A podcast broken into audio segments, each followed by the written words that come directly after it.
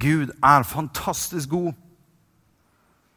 Jeg har lyst til å gå litt inn på det som har med penger å gjøre. Jeg kommer til å gå veldig fort gjennom det som har med penger å gjøre, for jeg har lyst til å avslutte etterpå.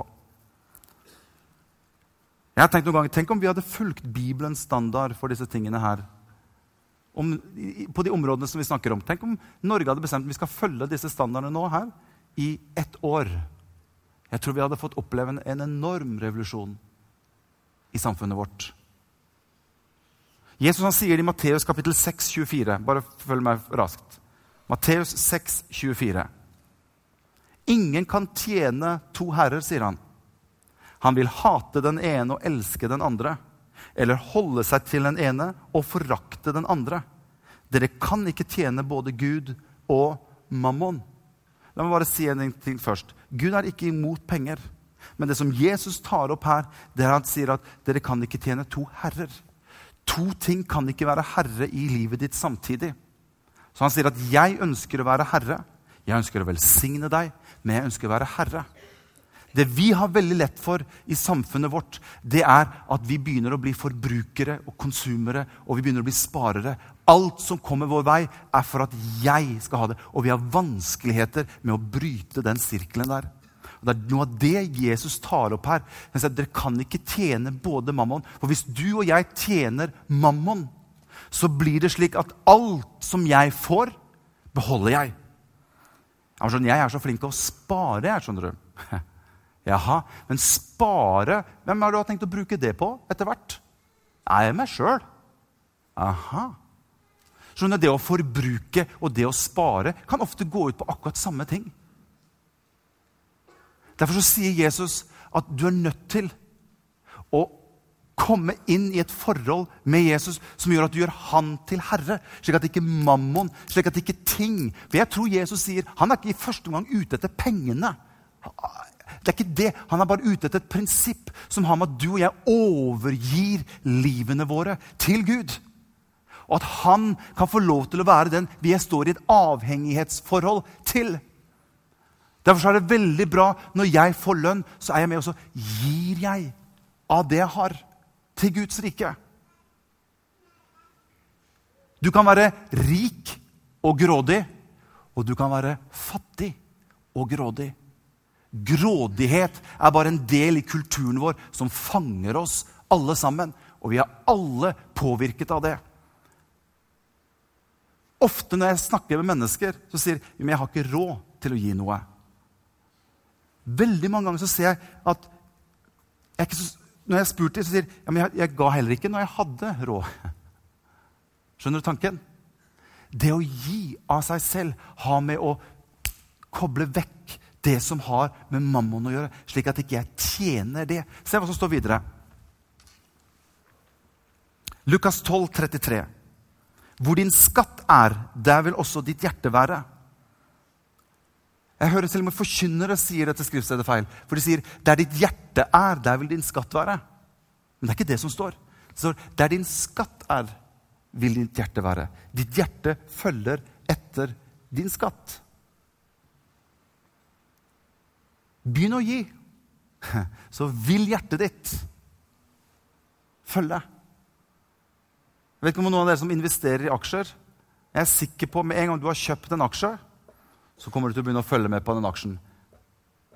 Kanskje til og med be for den aksjen. At den skal gå rett vei. Hva er det for noe? Der din skatt er, der vil ditt hjerte være også. Se hva Jesus sier videre i Matteus 6,31. Så gjør dere ikke bekymringer og si ikke 'Hva skal vi spise?' eller 'Hva skal vi drikke?' eller 'Hva skal vi kle oss med?' Alt dette er hedningene opptatt av. Jesus ønsker ikke at vi skal være sånn, jeg må være så forsiktig. Jeg, må, jeg, må, jeg kan ikke gjøre noe med penger. Jeg er nødt til å spare. jeg er nødt til å, For tenk om noe skulle skje. Tenk om et eller annet sånt. Så sier, sier Jesus, da tenker du på samme måte som hedningene gjør. For de er opptatt av det. Og Det blir nesten som at du lever som at det ikke finnes noen Gud til slutt som kan være med å gripe inn i livet ditt. Det er det som har med å tjene to herrer. Det er skrevet her Tror du Gud vet, og at han bryr seg? Yes. Så står det i vers 33 så står det, Søk først Guds rike og hans rettferdighet, så skal dere få alt det andre i tillegg. Det er det Jesus sier. Dere kan ikke tjene to herrer. La meg få lov til å være herre. Søk mitt rike først av alt. Begynn med å gi tilbake når du får. begynne å så inn i Guds rike. Så sier Herren, 'Jeg skal ta, ta meg av deg. Jeg skal sørge for deg.' Halleluja. Å, Gud er god. Så skal dere få alt det andre i tillegg. Jeg skal gå til avslutning her. Eh, 605 år før Kristus så bodde det en konge som het Nebukaneser i byen Babylon. Han var en stor, mektig konge. Nebukaneser var slik at Hvis han gikk inn i et, eh, en by, så var ikke han den som på en måte ødela byen helt, men han hadde en strategi. Når Nebukaneser gikk inn i en by, så gikk han inn og så tok han de kongelige familiene. De som hadde det godt. Han tok de peneste, de som så finest ut. Og så fikk han soldatene sine til å ta dem med tilbake til Babylon. Og det Nebukadneser gjør når han tar med disse tilbake til Babylon, er at han begynner å sette dem inn i et program som går over flere år. Så det han gjør, det er at han stripper dem av all sin egen kultur, alle sine egne grenser, og setter det i et program for å innføre sin kultur, sin måte å leve på, inne i disse menneskene. Og han bruker lang tid for å forme sin, forme tankene deres. Og veldig ofte så sender han disse menneskene ut tilbake for å utbre den babyloniske, hva skal vi si, det babyloniske riket. I 605 så går Nebukaneser inn i Jerusalem. Og han tar Jerusalem. Han går inn i Salomos tempel, og han røver hele tempelet for alt som er, og bringer det tilbake og gjør seg selv rik med det som var i tempelet der. Og det var ikke lite. I tillegg så tar han med seg fire skarpe gutter. Daniel, Shadrach, Mesak og Abenego. Han tar de med seg tilbake til Babylon, og han begynner å sette de inn i akkurat samme program som han gjør med alle de andre. Og jeg vil at du skal være helt til slutt bli med så skal du se hva som skjer når disse gutta kommer. Han vet ikke hva han har sluppet inn i huset sitt. Se hva som står i Daniel kapittel 1, vers 5. Han tar dem med tilbake. Så står det kongen bestemte at de hver dag skulle få spise maten og drikke vinen fra kongens bord. I tre år skulle de få opplæring, og deretter skulle de tre inn i kongens tjeneste. Dette gjorde han med veldig mange. De skulle drikke den vinen som han hadde, de skulle spise den maten han hadde, for de mente at gjør de det, så får jeg det resultatet jeg vil ha. Så står det i vers 8 Du skjønner, Daniel han var smart. Han så dette.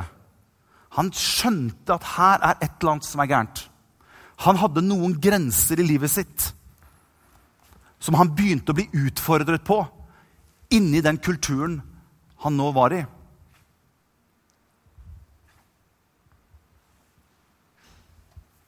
Så står det i vers 8, og jeg syns det er fantastisk det som står i vers 8. Så står det Daniel bestemte seg for Her var det avslutningen. Daniel bestemte seg for at han ikke ville gjøre seg uren med maten og vinen fra kongens bord. Han ba hoffsjefen om å slippe å gjøre seg uren. Poenget her er at Daniel skjønte at nå er jeg i ferd med å nå noen grenser hvor jeg må begynne å bryte de grensene som jeg har stått for, som jeg mener er de rette. Jeg er blitt satt inn i en kultur. Det er som Jesus sa at vi er i denne verden, men vi er ikke av denne verden. Daniel så dette. Han bestemte seg for at jeg vil ikke ta del. For jeg vet at hvis jeg begynner nå på dette programmet her, så vil det bare ta en liten tid, så vil det programmet begynne å forme meg feil vei i forhold til det som jeg ønsker. Så står det noe fantastisk etterpå. Jeg er snart ferdig. Vers nummer ni så står det Nå lot Gud Daniel bestemte seg. Med en gang han bestemte seg, så står det Nå lot Gud hoffsjefen få godhet og velvilje for Daniel. Med en gang han bestemte seg, så trådte Gud inn, og så skapte han velvilje for Daniel. Fantastisk! Og Så begynner Daniel å forhandle litt med hoffsjefen. Hoffsjefen fikk godvilje for Daniel. Og så sier Daniel at vet du hva? vi ønsker heller hvis det er greit for deg, vi ønsker heller å, å bare drikke vanlig vann og så noe frukt og grønnsaker. Ja, men så sier hoffsjefen, hva, hva, skal jeg gjøre med, med, kongen hvis han får vite at jeg, Han sikkerhetssjefen som står der borte, han har vel, sikkert veldig lyst på litt vin og litt god mat fra kongen. For det ville vært en fornærmelse for kong Nebukadneser hvis ikke du spiste den maten han tilbød.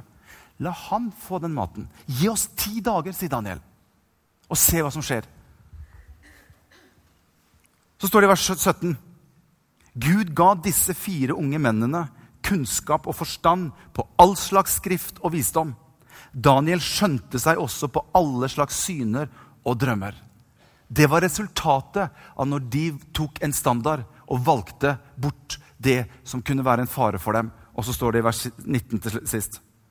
Så talte kongen med dem, men det fantes ikke noen slike som Daniel, Hananya, Mishael og Asarya. Det var jo det de egentlig het. Shadrach, Mesak og Abednego. Det var navn de fikk når de kom til Babylon. Derfor skulle de gjøre tjeneste hos kongen i enhver sak som krevde visdom og forstand og som kongen spurte dem om, fant han dem å være ti ganger bedre enn alle spåmennene og åndemannerne i hele hans kongedømme. Vet du hva? La oss, la oss reise noen autovern, dere. La oss stå for noe av de grensene som vi setter opp for oss sjøl. Og så vil samfunnet kunne se på deg og meg. Hvor, hvorfor går det så bra med deg? Jo, fordi jeg har valgt å sette opp noen autovern i livet mitt. Og Så kan mennesker få til å se at det er litt smart noen ganger å gjøre noen grep som kanskje går litt på mot trenden i kulturen. Samfunnet og kulturen vil aldri komme til å hjelpe oss. Herren ønsker å hjelpe oss. La oss bestemme oss om Daniel. Og så vil Herren virke med oss. Halleluja. Skal vi reise oss opp til slutt?